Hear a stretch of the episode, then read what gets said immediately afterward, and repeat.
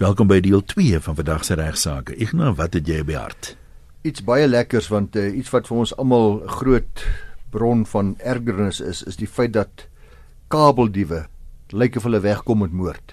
En hulle verondrief ons en hulle uh, belemmer ons, benader ons ekonomie ensovoorts en die goeie nuus luisteraars is dat kabeldiewe gaan van nou af hulle Moses teekom. En hoekom? Want die wysigingswet op kriminele sake het in werking getree op die 1 Junie 2016, so 2 maande gelede. En vir diegene van u wat dalk gedink het dat u lekker ryk kan word deur kabels te gaps, of dit dalk 'n lekker loopbaankeuse is vir jou kinders, ek vir slegte nuus. Hierdie wet bring baie slegte nuus vir almal wat tot nou toe goed gedoen het met kabeldiefstal. Tot op datum was dit beskou hierdie misdaad van kabeldiefstal was 'n misdaad nog altyd. Maar dis maar net gemeenregtelike diefstal. Gemeenregtelike diefstal of kwaadwillige saakbeskadiging van eiendom. En was daar werklik 'n redelike hoë boetes, nie baie nie, maar daar was goeie was boetes en daar was maar daar was nooit langtermyn tronkstraf of die soort van goed opgelê nie. In 'n nuwe wysigingswet het egter nou 'n nuwe misdaad daar gestel. 'n Baie baie wyeer misdaad, baie wyeer omskrywing en dit is nou 'n misdaad om vanaf 1 Junie om infrastruktuur te beskadig wat die lewering van enige noodsaaklike dienste benadeel. Nie net kabels hierso nie, ons praat van baie wyeer is dit. Enige noodsaaklike dienste benadeel dit sit in beskadiging van goedere in openbare of in private besit. Uh, ons praat dus nie net meer van koperdiefstal hier nie want die nuwe wet maak voorsiening vir mense wat Peter met die infrastruktuur van enige basiese dienste, privaat of openbaar. En nog belangriker is en dis eintlik die die goeie nuus dat daar nou twee dat 'n minimum fondse daar gestel is vir eerste oortreders. Let wel as jy nou weer gevang word, dan is dit nou tyd. 'n minimum gevangenisstraf van 3 jaar en 'n maksimum van 30 jaar. So jy gaan klaar 3 jaar tronk toe. Ook van die uiterste belang is dat daar ook 'n maksimum gevangenisstraf is van 30 jaar vir diegene wat betrokke is om hierdie misdaad aan te wakker of te instigeer of daar te stel. Met ander woorde die die syndikaate wat hier agter die skerm sit. Anderswoorde ek stuur vir Piet en vir Kosie en vir Klasie en gee hulle 1000 rand gaan steel gou die die die kabel kabels maar ek verkoop hulle vir 10000 rand of ek 'n hele ja, groot besigheid ja. hier agter die skerms is in die kate ook vir hulle is daar 'n 30 jaar maksimum gevangenisstraf. Dis die mense wat werklik geld maak agter die agter die skerms en dikwels uh die mense wat die gesteelde goedere verkoop om wie dit gelewer word en hier praat ons veral van die skrootwerwe. Die scrapyards. Hulle werknemers as as 'n scrapyard se eienaar vir werknemer verbind kan word met die organisasie of die opdragte aan die diewe sal hulle nou ook onder hierdie wysigingswet aangekla word. So die besigheid, die almal is baie wye net wat hier gespan word. Is dit maar die gewone afsetpunt die scrapyards vir hierdie goed? Feitelik voor die voet. En natuurlik hier en daar ook uh, uh, wat sê mense vir pandwinkels, maar veral skrootwerwe wat wat waar yster verkoop word, want staal verkoop word en dan ook koper verkoop word. So sê nou die polisie doen 'n klopjag en hulle vind van hierdie koperkabels daar by 'n skrap ja. Dit maak dit baie duidelik daar moet 'n baie behoorlike verduideliking gegee word. Jy moet die jy moet hom kan wat sê Engels Afrikaans vertremmend kan naspeur presies waar hierdie items vandaan kom. Waar jy dit gekoop het of jy. Daar moet registers ja. gehou word, behoorlike registers gehou word met name en adresse en alles. En dis dis is die mooi daarvan, maar tot nou toe was was dit by 'n panwinkel uh, was daar 'n bietjie van 'n inligting geweest, maar nie by 'n skrootwerf nie. En hierdie wet maak al hierdie gate wat daar was vir die mense om al enige storieetjie te vertel want hulle moet nou behoorlik inligting kan gee oor waar die goed vandaan kom. Nou volgens die pers byvoorbeeld luisteraars kos koperdiefstal, koperkabeldiefstal vir Eskom byvoorbeeld 'n ongelooflike 2 biljoen rand per jaar. En net ja. tussen Julie verlede jaar en Maart hierdie jaar sien ek in 'n koerant het dit in Kaapstad Kaapstad alleen, net die stad Kaapstad het hulle 22 miljoen rand verloor oor beskadigde water en sanitasie infrastruktuur.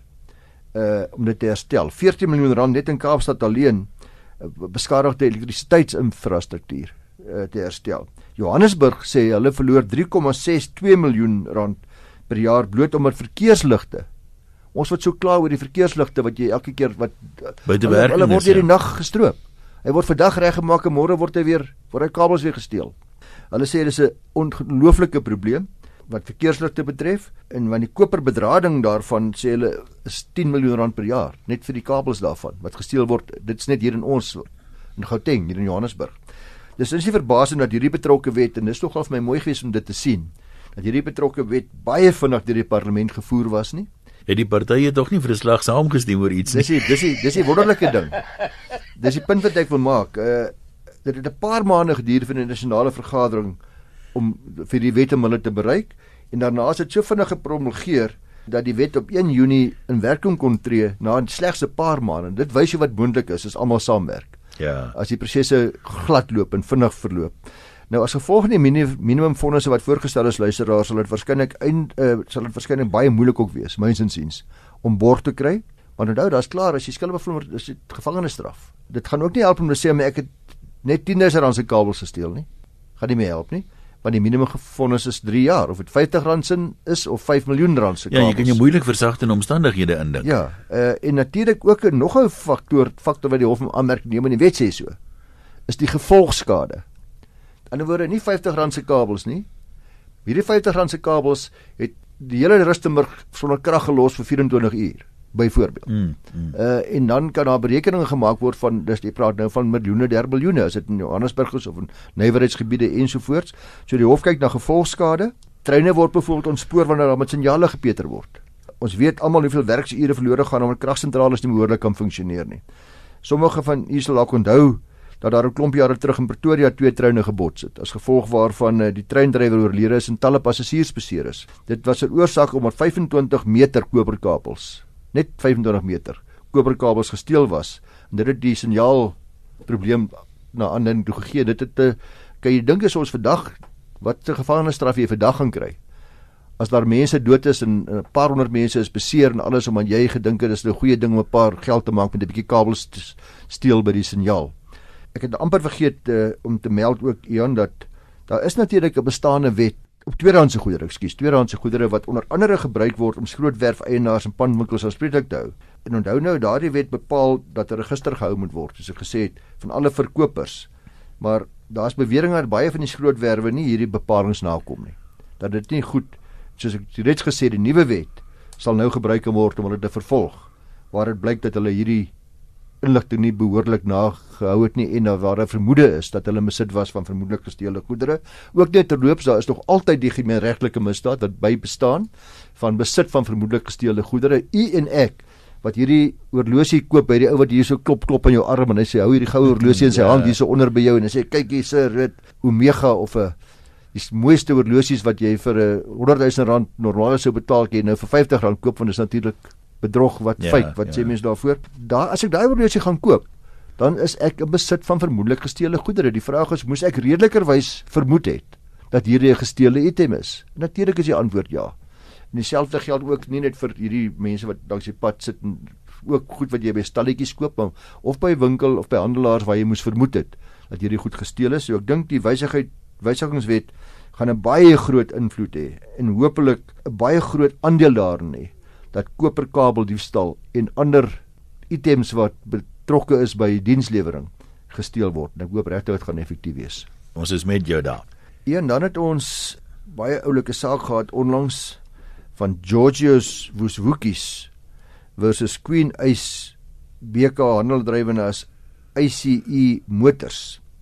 Nou die eiser meneer Woeswoekies het in September 2013 'n tweedehandse BMW gekoop by Queen Ice Motors vir 470 000 rand.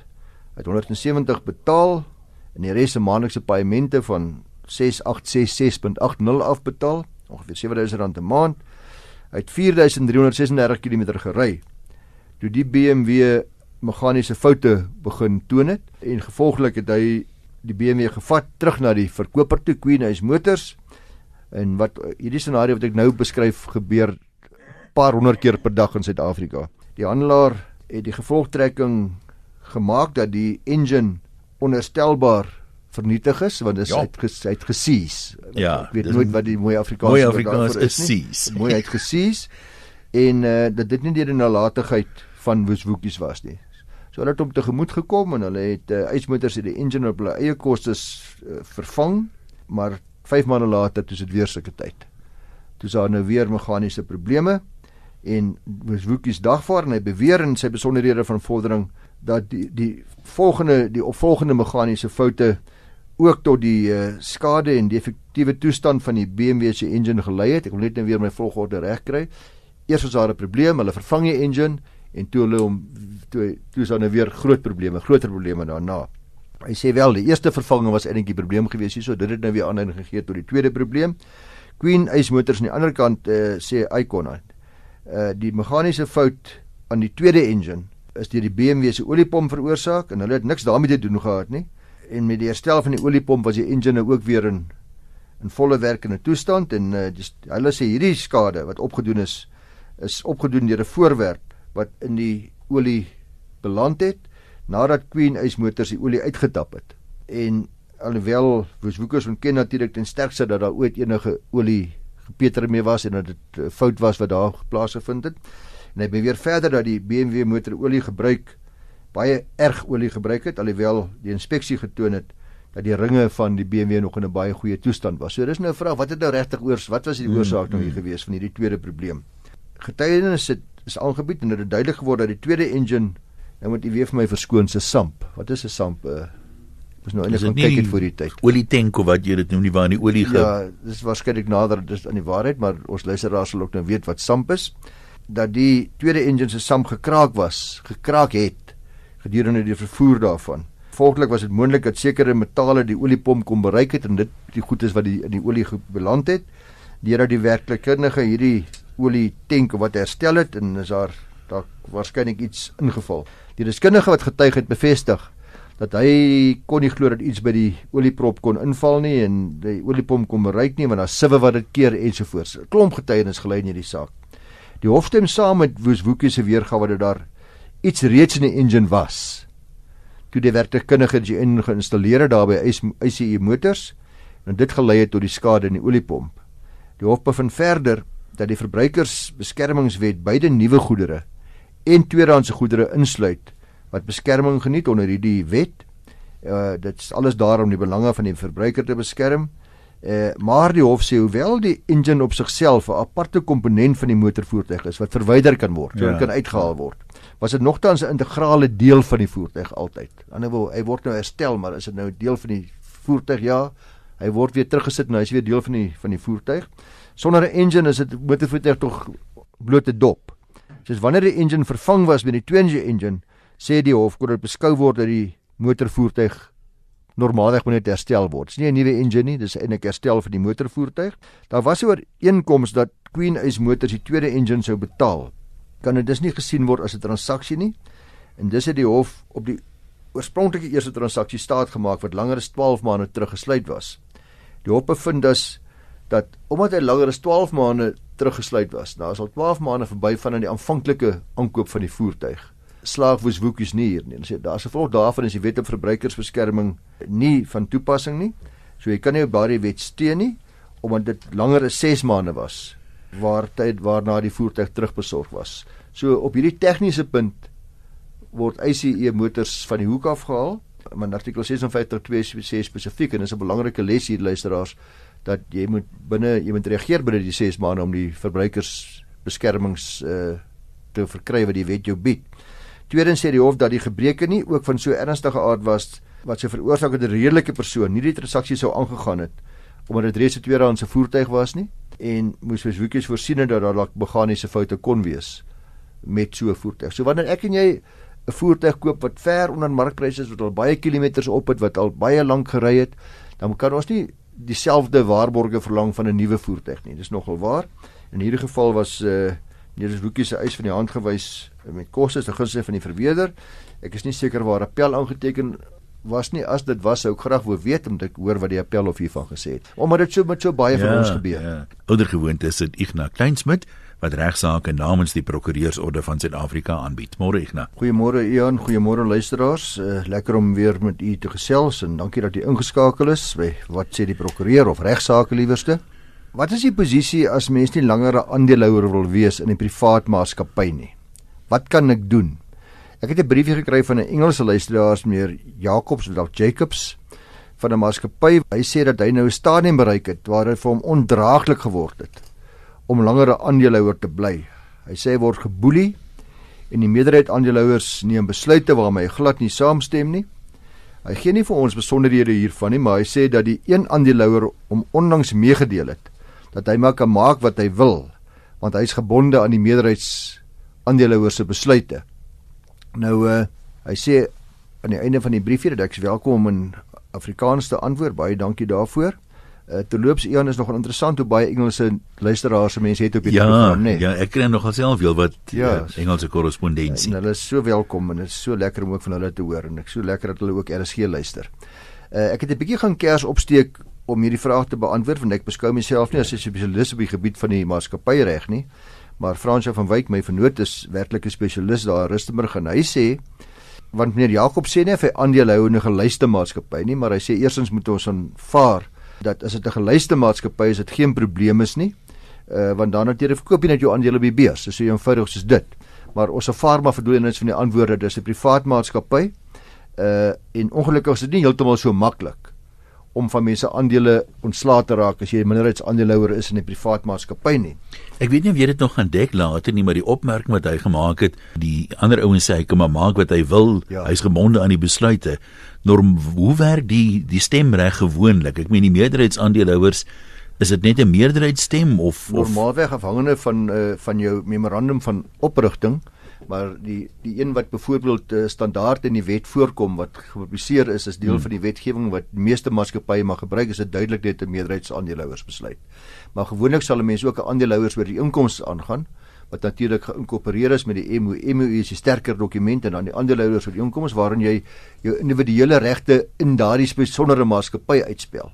En daar kan jy ander bepalinge tref oor hoeveel aandele is nodig, sien maar spesiaal om te verkoop sal die meeste maatskappye sê ek kan nie die ons kan nie die die besigheid verkoop as daar nie minstens sê net maar 70% toestemming ja. wat ek nog groot mag wees. So dit kan wissel maar gewoonlik kan meerderheidsaandeelhouers 'n minderheidsaandeelhouer boelie omdat 51% normaalweg die meeste besluite sal kan neem. En dis waaroor hierdie hele Ja, so as jy net 10% aandelehouding het, dan is hy eintlik reg. Jy kan nie veel doen nie. Dis reg, maar die vraag is kan jy nie dalk iets doen nie?